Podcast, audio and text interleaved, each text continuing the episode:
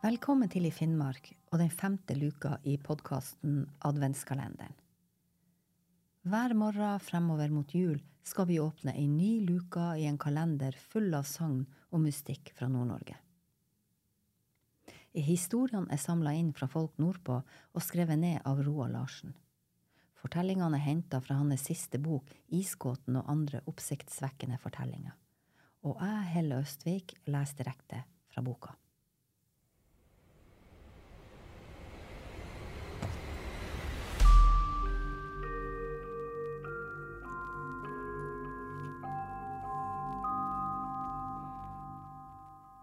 Vi åpner kalenderens femte luke med historien Dama som forsvant i Vadsø.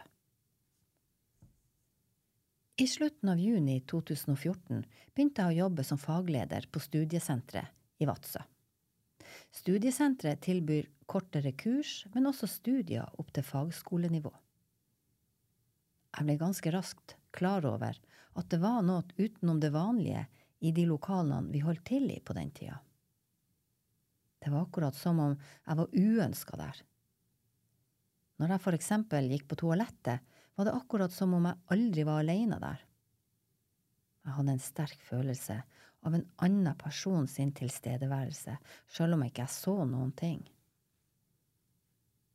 I august samme år fikk jeg besøk av søstera mi Edna og dattera hennes Trine. Den siste dagen jeg var her, var de innom jobben min. De ønska å se lokalene, så jeg visste dem rundt. Da det var gjort, var det begynt å nærme seg slutten på arbeidsdagen. Vi ble nå stående og prate litt, utafor inngangen til studiesenteret, før de skulle dra.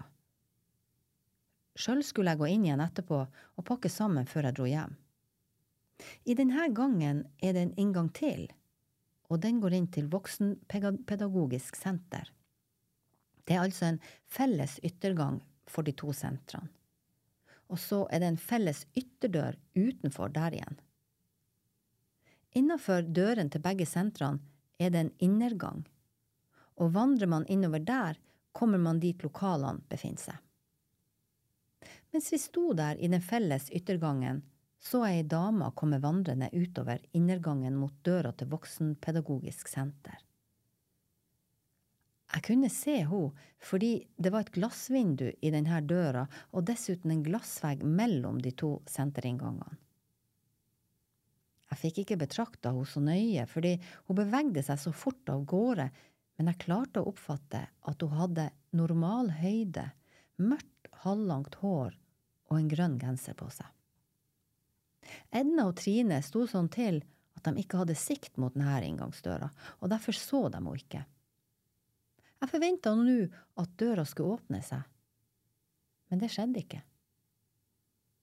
Men det virkelige var at vi alle tre på et vis merka at døra likevel gikk opp, og at det vandra noen gjennom yttergangen i full fart, og så forsvant ut ytterdøra.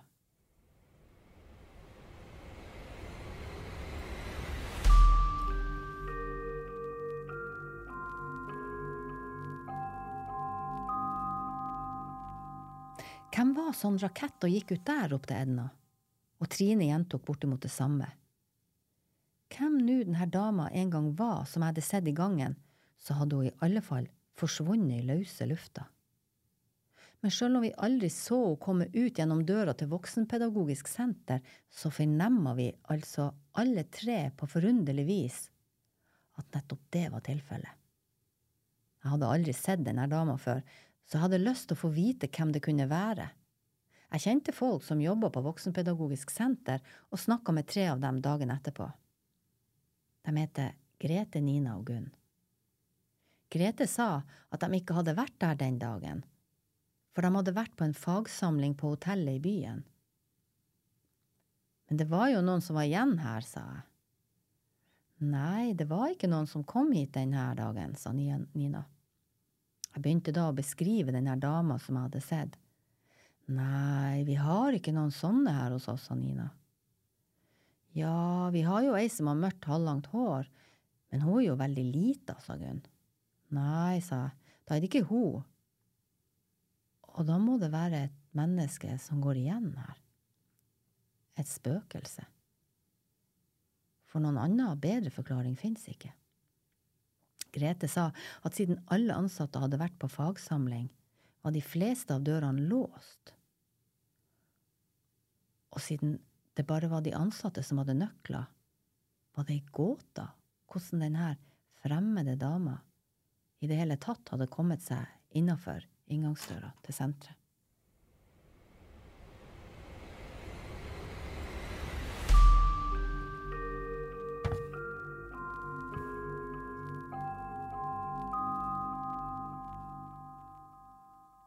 Det var femte luka i, i Finnmarks podkast Adventskalenderen. Mitt navn er Helle Østvik, og jeg har lest historien Dama som forsvant i Vadsø. Fra Roar Larsens siste bok Isgåten og andre oppsiktsvekkende historier, utgitt av Arktisk Forlag.